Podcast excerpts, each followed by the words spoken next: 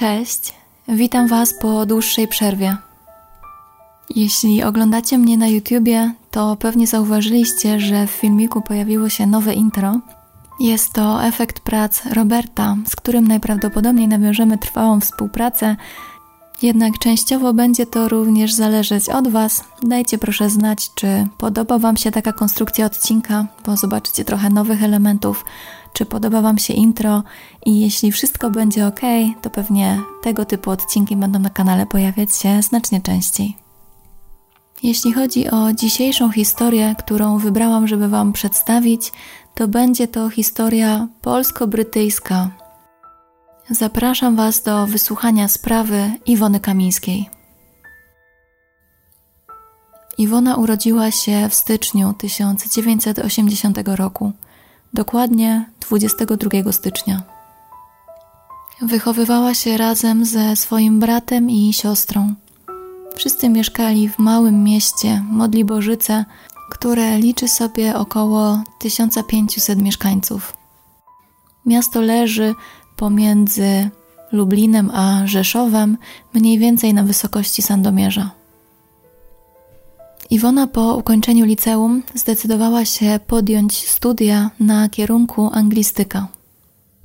W 2000 roku, kiedy Iwona ma 20 lat, decyduje się na wyjazd do Londynu. Ma to być swego rodzaju odskocznia, dobra zabawa.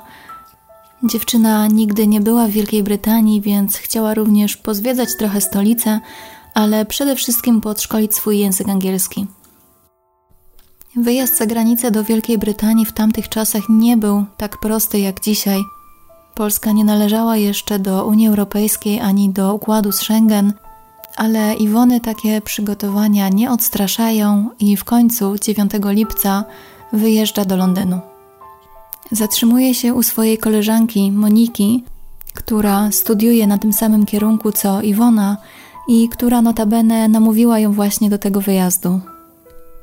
Jest niedziela, Iwona jest bardzo podekscytowana, właśnie zaczyna swoje wakacje życia, będzie mogła podszkolić język angielski, będzie mogła zarobić trochę grosza, no i plan jest taki, że w Londynie zostanie aż pół roku. Iwonie bardzo szybko udaje się znaleźć pracę. Pomaga jej w tym ta sama koleżanka, która namówiła ją do wyjazdu, i już dwa dni później, czyli we wtorek 11 lipca 2000 roku, Iwona rozpoczyna swoją pierwszą pracę za granicą. Jest to praca dorywcza w sklepie z wyrobami szklanymi i kryształowymi, a w obowiązkach Iwony jest m.in. pakowanie takiego szkła. Mieszkanie, w którym wtedy zatrzymuje się Monika, znajduje się w Wandsworth, dzielnicy, która leży w południowo-zachodnim Londynie. Mieszkanie jest bardzo blisko takiego znanego centrum handlowego, w sumie takiej sieciówki, która jest w wielu miastach Wielkiej Brytanii. Słuchacze z Anglii pewnie skojarzą. Sieciówka nazywa się Arndale Center. Akurat w tym Westworth, gdzie mieszkała Monika, w 2004 roku nazwa tego centrum handlowego została zmieniona i teraz centrum nazywa się Southside. Natomiast sklep, w którym pracuje Iwona, znajduje się w innej dzielnicy. Konkretnie jest to Hammersmith, które leży po drugiej stronie rzeki, po drugiej stronie Tamizy i bardziej w zachodniej części miasta, w zachodniej części Londynu. Iwona nie ma samochodu, więc do pracy musi dostać się komunikacją miejską. Akurat ma dosyć dobre połączenie, bo zaraz przy Andes Center, czyli tam gdzie mieszka, jest przystanek autobusowy, no, z którego odjeżdża autobus 220, który dojeżdża dokładnie na dworzec autobusowy w dzielnicy Hammersmith, a stamtąd już niedaleko piechotą miała do głównej drogi, do King Street, na której właśnie znajdował się sklep, w którym pracowała. W czwartek, 13 lipca, czyli 4 dni po przyjeździe, tak jak przez ostatnie dwa dni, Iwona rano udaje się do pracy. Cały dzień do godziny 17 znajduje się w pracy, gdzie pakuje szklanki i pracę tę miała zakończyć o godzinie 17. O godzinie 19 tego samego dnia, czyli dwie godziny później, Jej znajomi czekają na nią, gdyż byli wszyscy razem umówieni. Iwona jednak się nie pojawia. Co więcej, nikomu nie udaje się już skontaktować z Iwoną. Kiedy Iwona nadal nie wraca, nie wraca na noc do mieszkania, następnego dnia Monika już naprawdę się niepokoi i zgłasza zaginięcie na policję.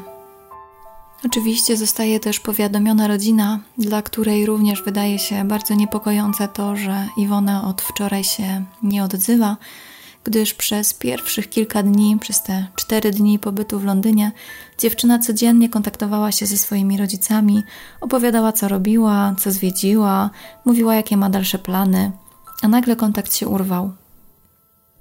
Policja na szczęście bardzo poważnie traktuje to zgłoszenie i od razu przystępuje do pracy. Od razu sprawdzono kamery przemysłowe i udało się ustalić, że bezwzględnie widać, jak dziewczyna jedzie do pracy, jedzie tym autobusem 220, a następnie są zeznania pracodawcy, że cały dzień spędziła w pracy.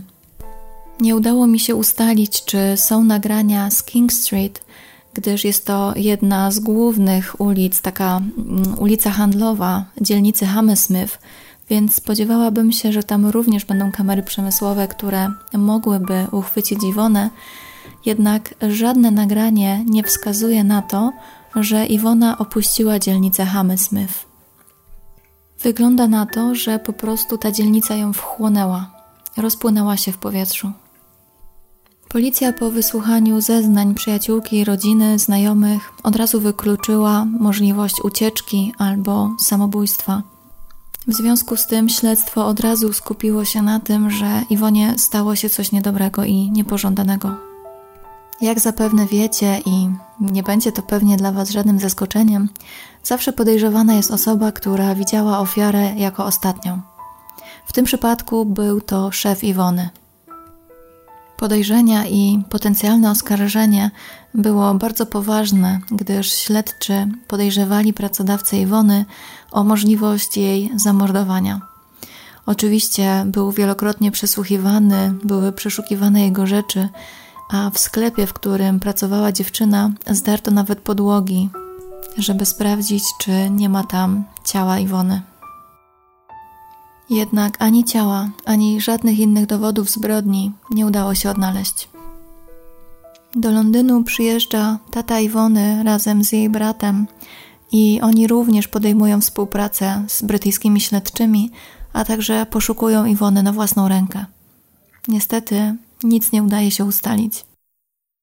W mediach, w prasie zaczynają pokazywać się ogłoszenia, że zaginęła Iwona Kamińska. Pojawia się zdjęcie, pojawia się rysopis. Iwona jest opisywana jako kobieta rasy białej, z jasnobrązowymi, kręconymi włosami sięgającymi ramion, mająca pięć stóp i dwa cale wzrostu, szczupłej budowy ciała, kiedy ją widziano po raz ostatni, była ubrana w ciemne spodnie i czarne buty i miała na sobie ciemnozieloną kurtkę, taki płaszcz sięgający do kolan.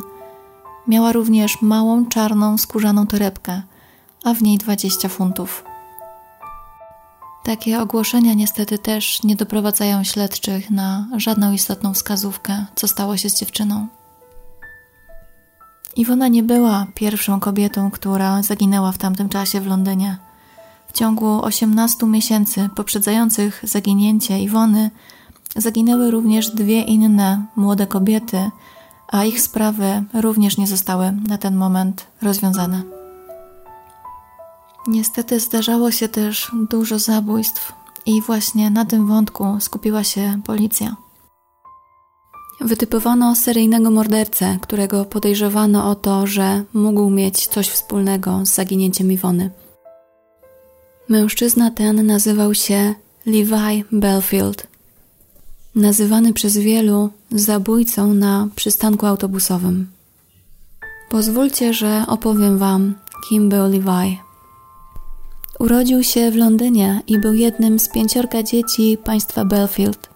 Miał dwie siostry i dwóch braci. Niestety jego tata choruje na białaczkę i umiera, kiedy mały Levi jest dziesięciolatkiem. Wywiera to bardzo duże piętno na małym chłopaku, który od tego momentu jest niezwykle związany ze swoją matką. Chłopak, jak każde inne dziecko, uczęszcza do szkoły, początkowo do podstawówki, później do odpowiednika liceum, a następnie do koledżu. Nie jest to jednak dla niego przyjemny okres, ma problem nawiązywać kontakty z innymi rówieśnikami, a to z tego powodu, że jest dosyć niski jak na swój wiek. Kiedy miał 16 lat, liczył sobie zaledwie 1,50 m. I jak możecie sobie wyobrazić, dzieciaki bardzo mu dokuczały, zwłaszcza wyśmiewały go dziewczyny.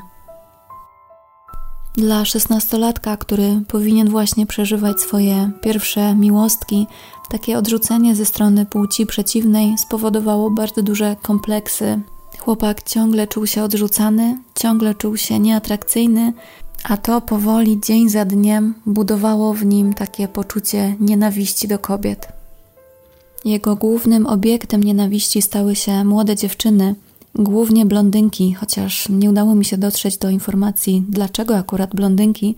Wiadomo natomiast, że jego matka miała ciemne włosy, więc ta nienawiść nie była związana z jego mamą. Przypuszczam, że pewnie te dziewczyny, które go wyśmiewały, mogły być w większości blondynkami i coś takiego zakodowało mu się głęboko w psychice. Początkowo ta wielka nienawiść nie była jakoś bardzo groźna. O ile można powiedzieć, że takie głębokie uczucie nienawiści nie jest groźne, ale nie przelewała się jakoś na wyrządzanie krzywdy innej osobie. Zaczynało się od tego, że Levi ciął zdjęcia w magazynach kobiet, które miały blond włosy, nazywał od dziwek, mówił, że każda z nich powinna zginąć, natomiast nikomu faktycznie krzywda żadna się nie działa. Ale w pewnym momencie życia, jeszcze jako młody chłopak, Levi decyduje zmienić swoje życie, zaczyna brać sterydy, jest mocno napakowany, ma duże mięśnie, taką dużą napakowaną szyję. Nie chciałabym tutaj użyć jakiegoś obraźliwego sformułowania, ale dla osób, które nie oglądają teraz YouTube'a i nie widzą tego człowieka, żeby Wam przedstawić, jakiego typu była to budowa ciała, to mogłabym to nazwać ABS-em, czyli takim stwierdzeniem, które gdzieś potocznie funkcjonuje jako absolutny brak szyi. Czyli taka osoba mocno nabita, taki, nie wiem, styl Packera, chyba tak bym to określiła. W każdym razie ta przemiana powoduje, że dla płci przeciwnej Levi zaczyna być atrakcyjny. Łącznie jest żonaty czterokrotnie, i jest ojcem jedenaściorga dzieci spłodzonymi z trzema różnymi kobietami. Małżeństwa za każdym razem rozpadały się przez to, że Levi był agresywny, zwłaszcza po alkoholu. Jedna z żon odchodzi od niego po brutalnym pobiciu, druga opowiada, że ten przypalał ją, bił, kopał z byle jakiego powodu, nawet gdy odpowiedziała zbyt wolno na jakieś pytanie zadane przez męża, dostawała po głowie i w końcu zdecydowała się na rozwód. Karierę przestępczą zaczyna dosyć szybko. Jego pierwszy wyrok był w 1981 roku i dotyczył włamania. Następnie został skazany za napaść na funkcjonariusza policji 9 lat później, czyli w 1990 roku, a następnie kilkakrotnie za kradzież, za wykroczenia drogowe i w 2002 roku miał już na koncie 9 wyroków skazujących i łącznie prawie rok odsiadki w więzieniu. Jednak nie za wszystkie swoje przewinienia Levi odpowiada prawnie. Między 1995 rokiem a 2001 składane były liczne skargi i oskarżenia na Levi'a, który był wtedy bramkarzem w klubie nocnym, że gwałcił kobiety, głównie młode nastolatki. Dziewczyny jednak nie były wiarygodne przez to, że niewiele pamiętały z aktu gwałtu, no i nikt tym tematem poważnie się nie zajął. A o to, żeby dziewczyny nie pamiętały zbyt dobrze gwałtu, zatroszczył się sam Levi, który odurzał je, a następnie przenosił do swojej furgonetki, w której miał specjalnie do tego przystosowany materac, no i tam dziewczyny wykorzystywał. Był przy tym na tyle przebiegły i sprytny, że nie zostawiał żadnych śladów DNA. Belfield na gwałtach nie poprzestał i w końcu zaczął zabijać. Swoje ofiary wyszukiwał głównie w okolicach przystanków autobusowych, podróżując różnego rodzaju samochodami. Taka zmiana pojazdów przychodziła mu bardzo łatwo, gdyż zajmował się handlem i złomowaniem różnego rodzaju samochodów. Między innymi dlatego śledczym trudno było do niego dotrzeć. Każde zabójstwo kojarzyło się świadkom z innym samochodem. Pierwszą ofiarą Belfielda była 13-letnia dziewczynka Millie Dowler. Była blondynką i włosy miała mniej więcej do ramion.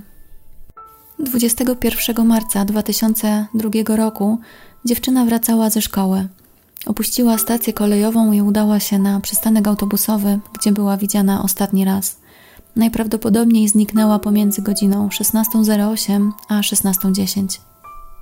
Przez pół roku trwały poszukiwania, jednak po tym czasie, 50 km od miejsca zaginięcia, w lesie, zostały znalezione jej zwłoki, a dokładnie już niestety tylko sam szkielet.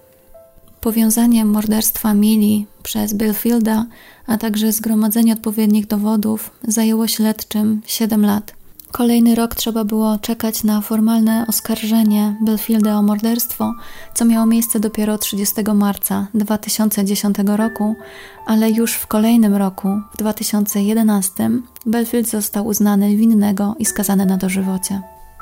Nigdy nie przyznał się i nie opowiedział o tym, co zrobił dziewczynce. W dniu porwania Mili, Levi miał przez 9,5 godziny wyłączony telefon – po to, żeby nikt nie mógł namierzyć, gdzie tego dnia przebywał. Był też na tyle cwany, żeby tego dnia używać pożyczonego od swojego przyjaciela samochodu, którego nigdy mu nie oddał. Powiedział mu, że auto zostało skradzione. Najprawdopodobniej jednak zostało po prostu wrzucone przez niego do zgniatarki, gdyż Levi, jak już Wam wspomniałam, zajmował się utylizacją samochodów. Jak okazało się w trakcie śledztwa, Przystanek autobusowy, na którym zniknęła Mili, znajdował się bardzo niedaleko mostu, przy którym Levi zwykł łowić ryby. Teren ten więc był dla niego znajomy. Podobnie jest z terenem leśnym, na którym znaleziono zwłoki dziewczynki, gdyż w tamtych okolicach znajduje się ujeżdżalnia, taka stadnina koni, i Levi bardzo często bywał tam z jedną ze swoich żon. Kolejną ofiarą Belfielda była 18-letnia młoda kobieta, Marsha McDonald. W lutym 2003 roku wybrała się ze swoimi przyjaciółmi do kina. Po tym jak skończył się seans, wsiadła do autobusu linii 111 i wysiadła na przystanku Percy Road w Hampton w Londynie, niedaleko swojego domu. Było 18 minut po północy, a Marsha miała jedynie jakieś 35 metrów do domu.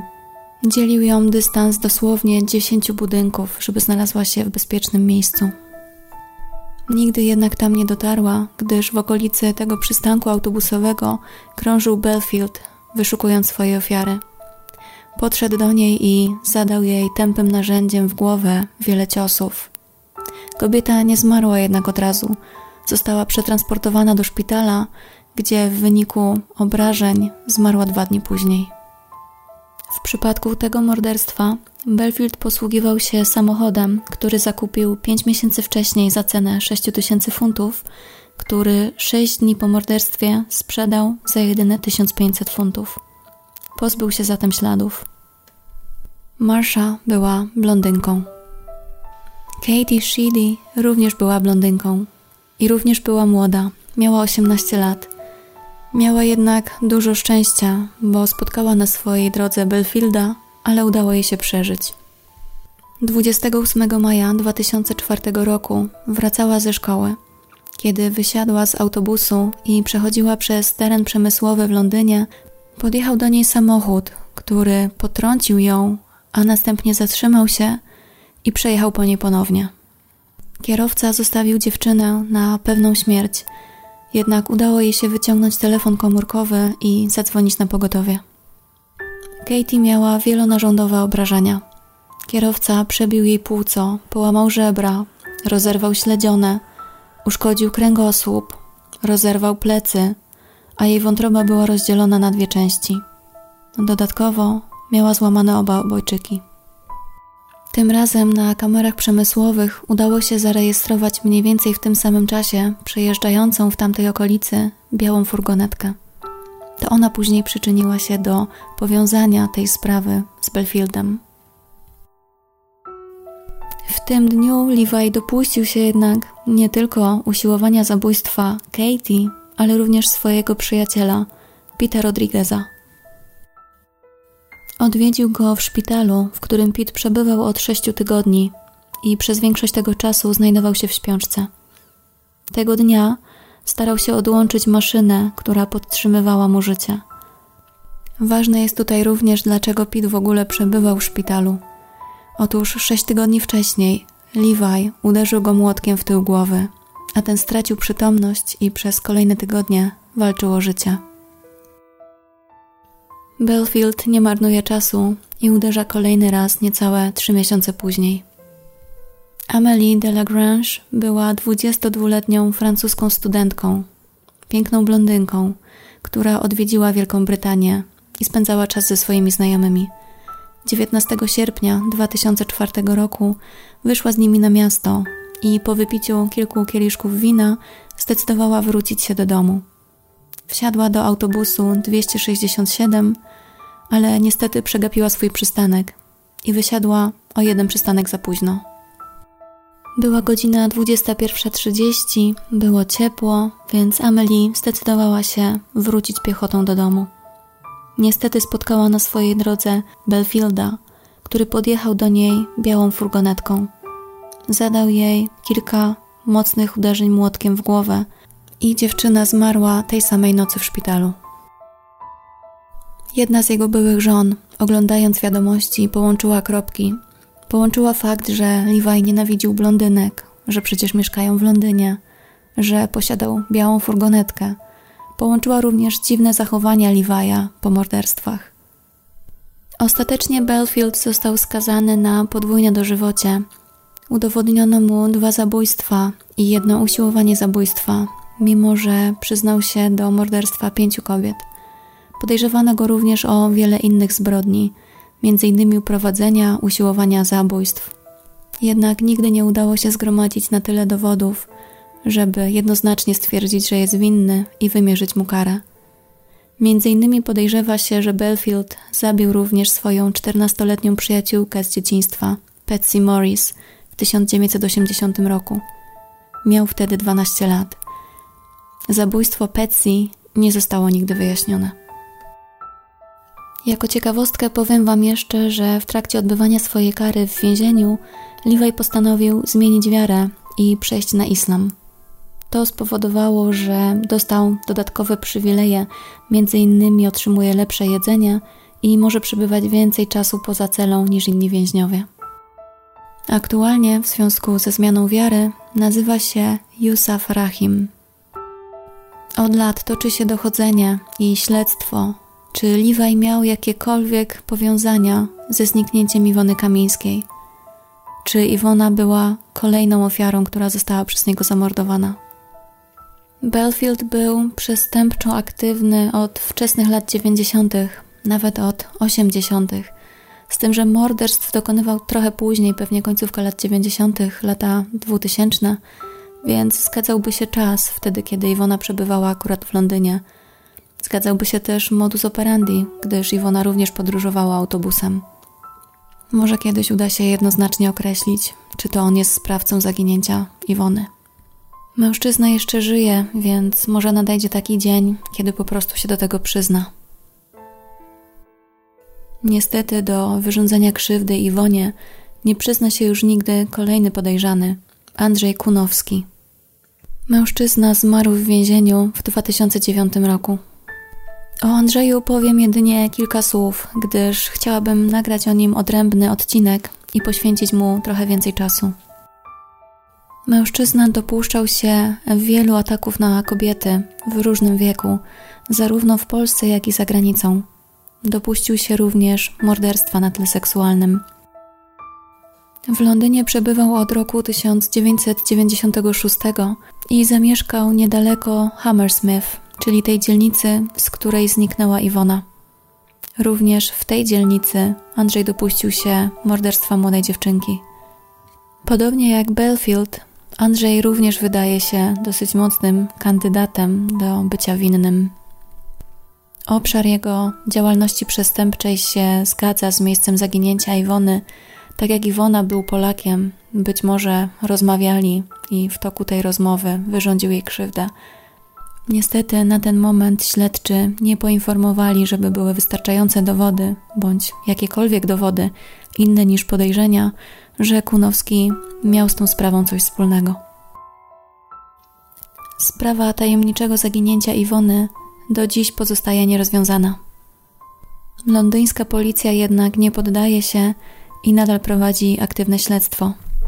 W 2016 roku ukazała się informacja, że Metropolitan Police oferuje nagrodę w wysokości 10 tysięcy funtów za jakąkolwiek informację, która przybliży śledczych do rozwiązania tej zagadki. Policja podobno nie zamyka się na żadną ewentualność. Bierze się pod uwagę, że Iwona nadal może żyć, że może jest bezpieczna. Aczkolwiek po takim czasie głównym założeniem jest to, że Iwona została porwana i od wielu lat już nie żyje. Rodzina nie wypowiada się zbyt dużo w mediach. Ostatni raz wypowiedzieli się z okazji 36 urodzin Iwony, czyli w 2016 roku. Apelowali oni do społeczeństwa, żeby podzielili się jakąkolwiek informacją, która zbliżyłaby ich do ukojenia tego 16-letniego bólu w sercu. Tata Iwony zaapelował również bezpośrednio do swojej córki. Iwono, proszę, jeśli możesz, daj nam znać, gdzie jesteś. Bardzo się o ciebie martwimy. Przyjechałem do Anglii, żeby zabrać cię do domu. Bardzo cię kocham. W 2020 roku londyńska policja ponownie przypomniała społeczeństwu o tej sprawie i zaapelowała o jakiekolwiek informacje, które pomogłyby im w śledztwie. Ponownie również przegląda ponad 200 godzin materiału wideo, który został zabezpieczony z obszaru Hammersmith w okresie, kiedy była tam Iwona. Iwona, jeśli nadal żyje, ma dzisiaj 40 lat. Jeśli chodzi o tę sprawę, to nie mam już niestety więcej informacji, żeby Wam przekazać. Mam nadzieję, że wkrótce dowiemy się czegoś więcej i będę mogła Wam przekazać aktualizację. Bardzo Wam dziękuję za wysłuchanie kolejnego odcinka i będę ogromnie wdzięczna, jeśli podzielicie się Waszymi spostrzeżeniami co do nowej formy i koncepcji zaprezentowanego filmiku. Serdecznie dziękuję również moim patronom Kamilowi i Paulinie. Dzięki Wam utrzymanie takiego kanału staje się dużo łatwiejsze. I na koniec, standardowo ze swojej strony, chciałabym Wam polecić podcast, o którym być może jeszcze nie słyszeliście.